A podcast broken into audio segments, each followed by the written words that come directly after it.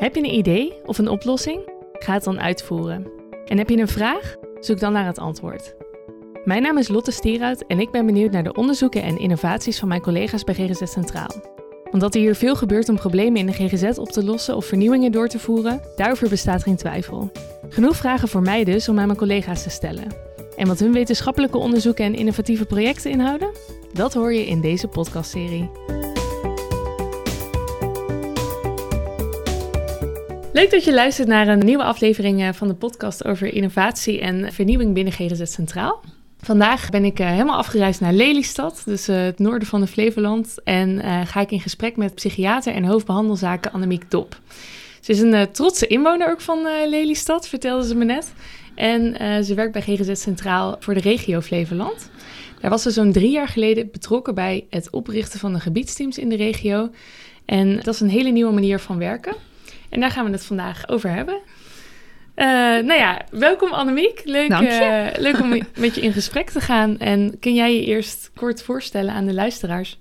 Ja, nou zoals je al zegt, ik ben uh, Annemiek Top. Ik ben hier in het gebiedsteam Lelystad Oost, zoals wij het genoemd hebben, ben ik de teamleider behandelzaken.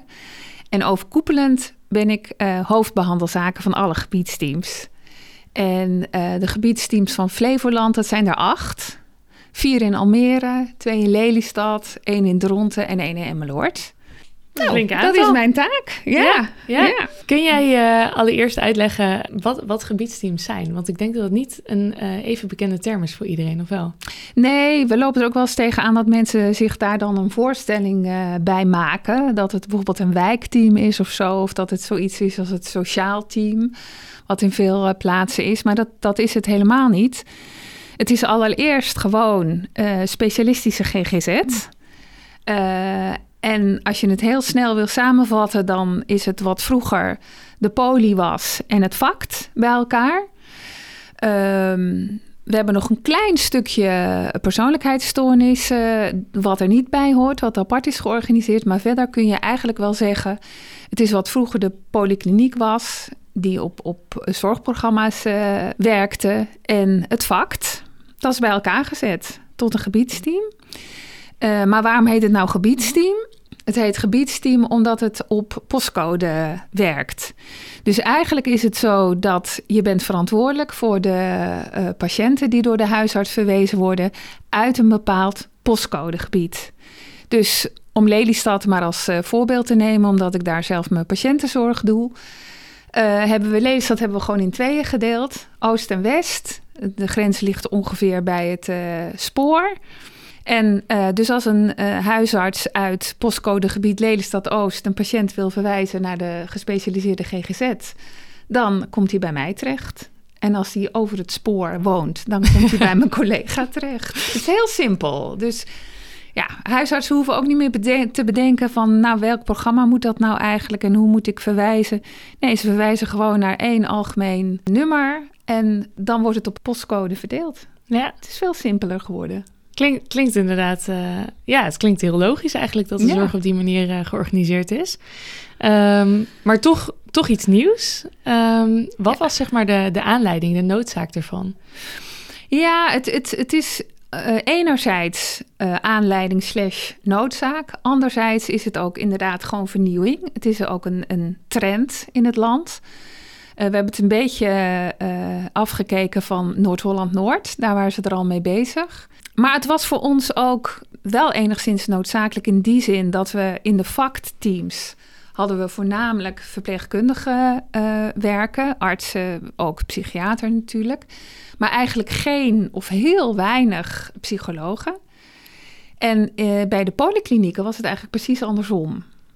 Dus uh, bij de vakteams was het lastig om voor patiënten een psychologische behandeling te bewerkstelligen.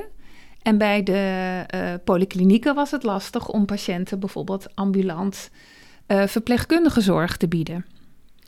En is eigenlijk ook een beetje vanuit personeelstekort? Of is dat uh, Nee, hoe, het was meer hoe, het, hoe het verdeeld was. En ja. hoe het ook uh, in de landen bij die teams ook zo is hoor. Vakteams zijn vaak teams waar voornamelijk verpleegkundige begeleiding is. En dan gaat het ook wel heel vaak over langdurige uh, patiënten die heel langdurig in zorg zijn. En wij wilden dat eigenlijk mixen. En uh, een andere ergernis, moet ik bijna zeggen, was dat uh, als een patiënt door een huisarts werd verwezen en op grond van de schriftelijke verwijzing dachten we, nou, dit is iemand voor het behandelprogramma Stemming en Angst. Uh, en dan kwam die patiënt daar terecht na best wel een tijdje op een wachtlijst gestaan te hebben. Ja, en dan bleek toch dat er een autisme spectrumstoornis uh, bijvoorbeeld, ik noem maar een voorbeeld, mm -hmm. hè, mhm. speelde. En dan moest hij naar een ander team op een andere wachtlijst. En dan gebeurde het echt wel eens dat er nog een ander team nodig was met nog een andere wachtlijst. Ja, dan, dan gingen patiënten echt van de ene naar de andere wachtlijst. En duurde het soms meer dan een jaar voordat die ergens terecht kwam waar die, waar die hoorde. Jeetje. En dat was natuurlijk een ergernis voor vooral de patiënt, maar ook voor de huisarts en ook voor onszelf. Ja. En omdat we nu veel uh, generalistischer werken, komt dat gewoon niet meer voor. Dus een doel van de, van de gebiedsteams was eigenlijk ook wel het inkorten van de wachtlijsten. Zeker, zeker, ook dat. En een derde doel, moet ik ook niet vergeten, is het samenwerken, het makkelijker samenwerken met de netwerkpartners. De huisartsen noemde ik al. Huisartsen kunnen nu gewoon kijken, oh ja, welke, welke psychiater, welke klinisch psycholoog hoort er bij dat en dat gebiedsteam. Die kan ik gewoon bereiken. En voorheen moesten ze gewoon echt zoeken van, oh goed, welke patiënt hoort er nou hierbij, bij dit, bij stemming en angst, welke, welke hoort er nou bij autisme. Uh, was gewoon veel lastiger. Het is, het is veel duidelijker geworden. Niet alleen voor de huisartsen, maar ook bijvoorbeeld voor de, de netwerkpartners zoals de woonbegeleiders, uh, de gemeente. Nou het, het, past, het past veel meer in het denken hoe het de laatste tijd in de mode is. In de mode klinkt negatief, maar ik sta er, staat er ook heel erg achter hoe, de, hoe, het, hoe het denken daarover tegenwoordig is. Nou ja, de zorg in die zin verandert natuurlijk ook altijd. Ja. Want ja. zeg maar, hoe past uh, de organisatie van de zorg in gebiedsteams in een landelijke trend? Nou, uh, de landelijke trend is nu ook uh, de netwerkpsychiatrie. en de resourcegroepen. Dat zijn, zijn eigenlijk is het, is het het RACT, hè, de, de resource groep, niet meer het FACT, maar het RACT. En wij uh, willen die methode ook graag uitspreiden over onze gebiedsteams. En het past er ook naadloos bij. Kun je dat, kun je dat nog iets beter uitleggen? Ja. Ja? ja. Kijk, netwerkpsychiatrie, dat spreekt een beetje voor zich. Hè? Ja. Dat, dat is niet, iedereen komt alleen maar bij de psychiater. Dat kan niet eens hoor, maar stel dat het zou kunnen. Um, maar het is, het is meer zo van, het is een heel netwerk van allemaal behandelaren, die niet alleen bij de GGZ zitten, maar ook daaromheen. En met z'n allen ben je voor de patiënt. Maar ook het eigen netwerk. Van de patiënt ook. Die ook, past er ja, ook bij. Ja. En dat past weer heel erg goed bij de visie van de resourcegroepen. Want bij de resourcegroepen is de eigen regie van de patiënt heel erg belangrijk. Er zijn er is één stelling die elke keer ook genoemd wordt als je het over de resourcegroepen hebt. En dat is op je handen zitten en duct tape op je mond. Uh, is een beetje overdreven natuurlijk, maar het, het wil zeggen dat je de patiënt echt in de lead moet laten, zoveel als mogelijk. En ook uh, gaat werken naar idee en wensen van de patiënt in kwestie. Dus niet dat je allemaal gaat zeggen van, nou ja, maar je moet dit en je moet dat en, en je, je bent pas hersteld als je dat en dat en dat gedaan hebt. Nee, dat gaat in samenspraak met die patiënt zelf. Waarbij je dus de, de, veront, de verantwoordelijkheid voor het welbevinden van de patiënt ook veel meer verdeelt met de netwerkpartners. En met de groep die rondom die patiënt staat en die die dus zelf heeft geformeerd. Ja, kan dat beter vanuit een gebiedsteam dan vanuit uh, wat voor een dan die polykliniek en die vakteams waren? Ja, dat idee heb ik zeker wel. Om, omdat dat netwerkdenken ook heel erg in het gebiedsteam zit. Ten eerste werk je gewoon al uh, in een team met elkaar samen. Terwijl vroeger op de polykliniek werkte je veel meer uh, solistisch. En nu, ja, je begint eigenlijk elke dag al in je team. Je, bes je bespreekt de patiënten uh, die in crisis zijn of die mogelijk in crisis gaan raken. Je bent gewoon betrokken met elkaar uh, bij, die, bij die patiënten die mogelijk in crisis zullen raken. Dus Het is niet meer zo dat je in je eentje weet dat het niet, niet goed gaat met zo'n patiënt. En, en dat het echt aan jou ligt of je bij je collega's hulp gaat zoeken. Nee, je bent als team eigenlijk al daarvan op de hoogte. Dus je springt ook gewoon vanzelf in bij elkaar. En je behandelt dus eigenlijk alle verschillende patiënten in een bepaald postcodegebied. Ja. Dan ga je best wel generalistisch werken natuurlijk. Ja, Is, ja. zeg maar, raak je dan niet iets van je specialisme daarin kwijt? Ja, het is grappig dat je dat zegt, want dat, dat horen we ook van collega's. Eh, ik snap ook dat dat een beetje op de loer ligt. Maar eigenlijk, uh, het, het is niet het geval en het hoeft ook niet. Want ik noem het altijd, en dat, zal ik, dat voorbeeld zal ik maar weer noemen, het, het, uh, het supermarktmodel. je gaat eigenlijk met je, met je patiënt als het ware in je winkelwagentje, ga je langs de schappen. En in die schappen zitten de therapieën die die patiënt nodig heeft. En als je die therapieën niet in je eigen gebiedsteam vindt, dan ga je kijken of die in een ander gebiedsteam wel aanwezig is. Of samen met een ander gebiedsteam. Maar als je die daar ook niet vindt, dan ga je dus verderop kijken. En dan ga je bij uh, instellingen kijken waarin ze misschien op dat speciale gebied wat jouw patiënt nodig heeft, meer gespecialiseerd zijn. Ja. Dus je gaat gewoon, je, je bent gewoon als, als regie- en sturend behandelaar verantwoordelijk voor, voor de behandeling van je patiënt. Je sluit ook een overeenkomst met die patiënt en je gaat gewoon zoeken wat hij nodig heeft. In die zin kan ik me dan ook wel voorstellen dat juist um, een gebiedsteam veel meer specialisten op een bepaald onderwerp heeft. Ja. Uh, dan wanneer dat allemaal in een verschillende polykliniek is georganiseerd en mensen niet heel veel contact met elkaar hebben. Precies, precies. Het is ook zo grappig om, om te zien dat uh, in een team krijg je eigenlijk al wat, wat onderverdeling. Uh, als wij bijvoorbeeld op maandag onze nieuwe patiënten verdelen, dan weten we eigenlijk al een beetje, oh, dat is er eentje voor jou, oh, dat is er eentje voor jou. En dat, dat is gegroeid, hè? dat wisten we van tevoren eigenlijk niet zo goed dat dat zo zou gaan. Dat, dat hoopten we stiekem wel, maar dat, dat gebeurt ook echt. Ja. Dus mensen kunnen ook hun eigen uh, voorkeuren, dus hun eigen specialisatie, kunnen ze gaan ontdekken. Ja, ja. Nou ja, het klinkt alsof het heel veel voordelen heeft. En je zei net al eventjes uh, van we hebben het afgekeken van uh, Noord-Holland-Noord. Is, zeg maar, is het dus niet een heel nieuw concept wat dat betreft? Nou, het is in de landen, het wordt dus vaker al gedaan, maar het is wel veel nieuwer dan bijvoorbeeld uh, hoe de polyklinieken op, op zorgprogramma's, behandelprogramma's zijn georganiseerd en hoe de vakteams en de, de ACT-teams werken. Dat is alweer wat ouder. Maar die zijn ook nog niet zo verschrikkelijk oud. Volgens mij zijn die rond 2005 of zo. Nou, dat weet, dat weet ik niet precies, dat is gokken. Volgens mij hebben we hem hier zo vanaf 2005, 6, 7 zo'n beetje voor het eerst georganiseerd. Maar dat is eigenlijk ook nog niet eens zo verschrikkelijk lang. En dit is weer een, een vervolg daarop. En jij was als uh, psychiater dus vanaf het begin uh, betrokken bij het invoeren van de gebiedsteams? Ja, het, is, uh, het, het idee dat kwam echt duidelijk van onze directie.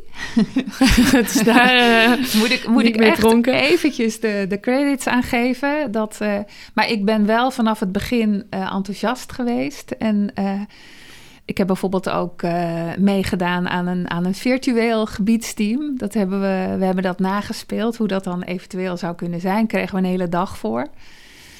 Nou, toen kwamen we wel heel veel haken en ogen tegen. Toen dachten we, hoe gaan we nou dit doen? En, en hoe, in, inderdaad, die, die, dat verschil tussen heel erg super gespecialiseerd en gewoon generalistisch, dat kwam toen heel erg aan de, aan de orde. En daar waren we toen echt nog niet uit. En, um, maar het hielp natuurlijk wel heel erg uh, mee om in een bepaalde denkrichting te gaan. En toen hebben we gewoon gezegd uh, op een gegeven moment, ja, maar we moeten toch starten. He, we, zijn, we hebben allemaal deskundige mensen, dus het, het, het zou moeten lukken. Wat hebben we nodig? We hebben nodig van dat we weten over welk postcodegebied het gaat. Uh, we hebben behandelaren nodig en we hebben patiënten nodig. Nou, ga maar aan de gang. En zo zijn we eigenlijk gestart. Van de een op de andere dag eigenlijk. Ja. Gezegd, uh, dit is geen polykliniek meer. Hier werken vanaf nu gebiedsteams. Ja, eigenlijk wel. Niet, niet helemaal van de een op de andere dag, want we moesten de teams wel husselen. Ja. Dus we hebben wel gezegd, uh, medewerkers konden wel hun voorkeuren aangeven. Zo van, ik wil graag in dat team of ik wil graag in dat team. Uh, en daar is zoveel mogelijk, als, als, uh, zoveel mogelijk is daarna geluisterd. Nou, dat is eigenlijk allemaal redelijk goed gegaan. Maar wat wel gaandeweg is gebeurd, is dat medewerkers die zich echt niet fijn voelden in, in deze manier van werken, die zijn vertrokken. En nieuwe medewerkers die echt voor dit concept gaan, die zijn aangetrokken. Ja. Dus er is, zoals bij elke reorganisatie, wel een, een gehussel geweest van medewerkers. We zijn ook enorm uitgebreid. Ja, want er zijn er nu acht. Was dat ook al vanaf het begin? Nee, nee er was, in het begin waren er zeven. Oh ja, dus eentje toen extra. Hadden we, ja, toen hadden we Dront en Emmeloord bij elkaar gezet. Want dat waren eigenlijk allebei hele kleine teampjes. Want daar hadden we eigenlijk gewoon niet zoveel. Ook niet zoveel medewerkers.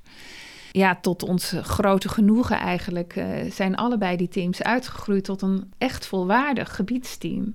Ook met een volwaardige caseload. Dus uh, het heeft ook een enorme aanzuigende werking gehad. Kan ik me voorstellen. Ja, ook wel, ja, Dat het juist ook wel weer een energie geeft. Ja, ja ik, het is natuurlijk echt een hele andere manier van werken. En het grappige is dat in de polder in Flevoland... we zijn natuurlijk echt gewend om te pionieren... en op een, op een nieuwe manier te gaan werken. Dus ik denk dat, uh, dat het wat dat betreft... als het ergens zou gaan uh, lukken, dan, dan is het hier.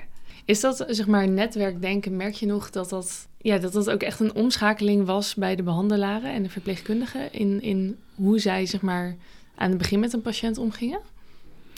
Ja, het is, het, ik moet wel zeggen, uh, de mensen die in vakteams werkten, waren het al wel wat meer gewend om uh, in teams te denken maar waren veel minder gewend om verschillende soorten therapieën ook als mogelijkheid te zien.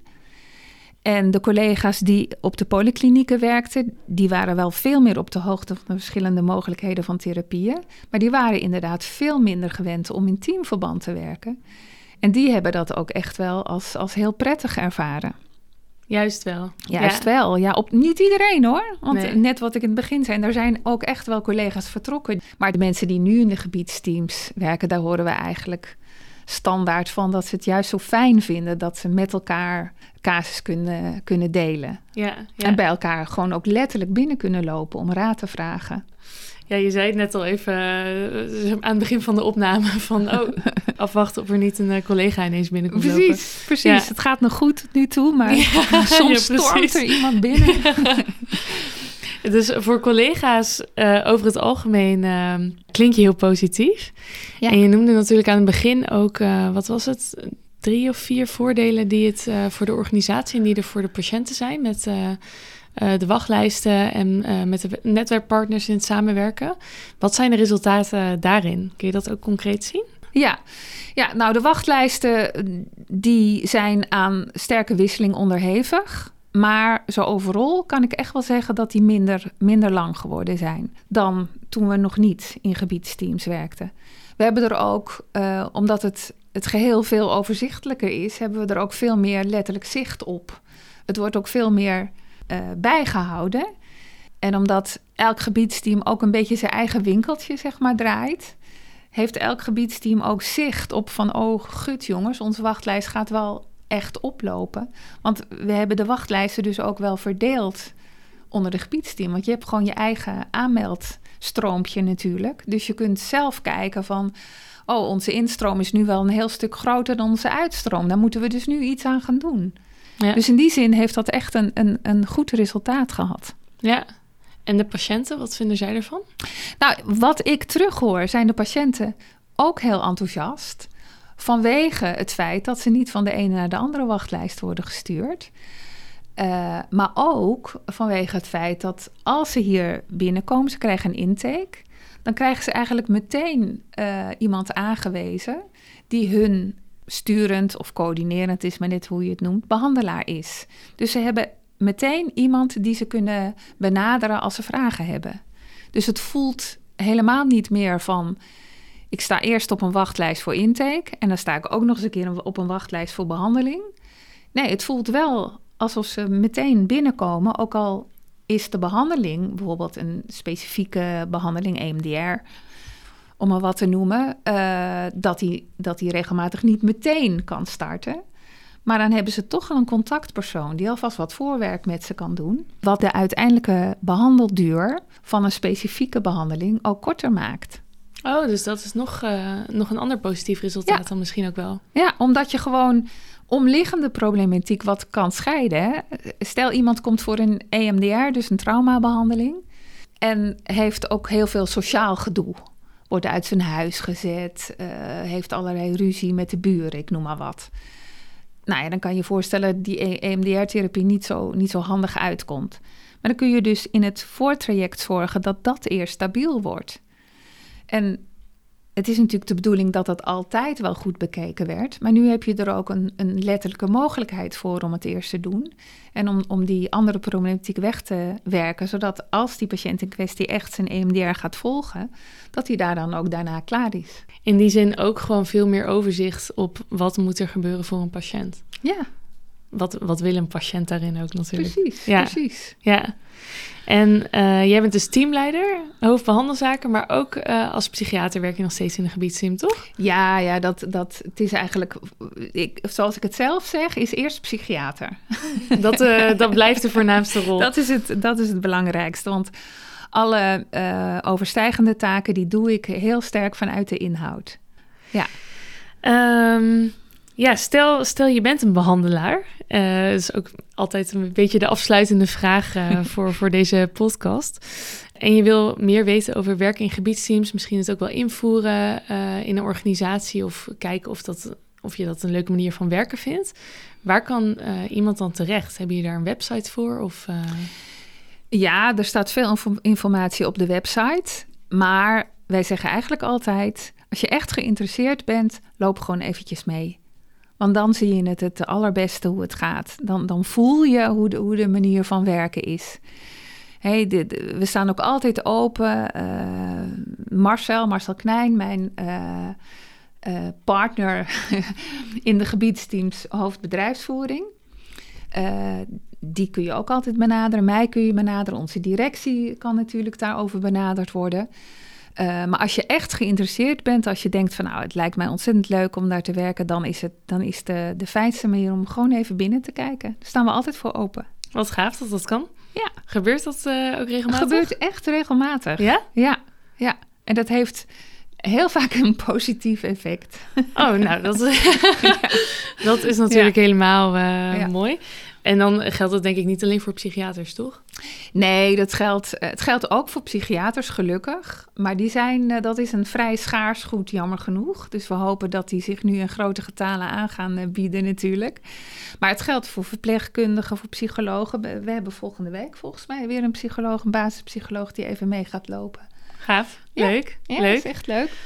Nou, dan eh, als je deze podcast hebt geluisterd en je denkt, joh, dat, dat, eh, dat wil ik ook, dat lijkt me interessant, dan eh, weet je dat je altijd bij Annemiek aan de mouw kunt trekken. En natuurlijk, als je meer wil weten over innoveren en vernieuwen binnen de GGZ, kun je onze podcast volgen. Dus vergeet niet om je te abonneren. En voor nu wil ik jou natuurlijk ontzettend bedanken voor je tijd en je Heel graag verhaal.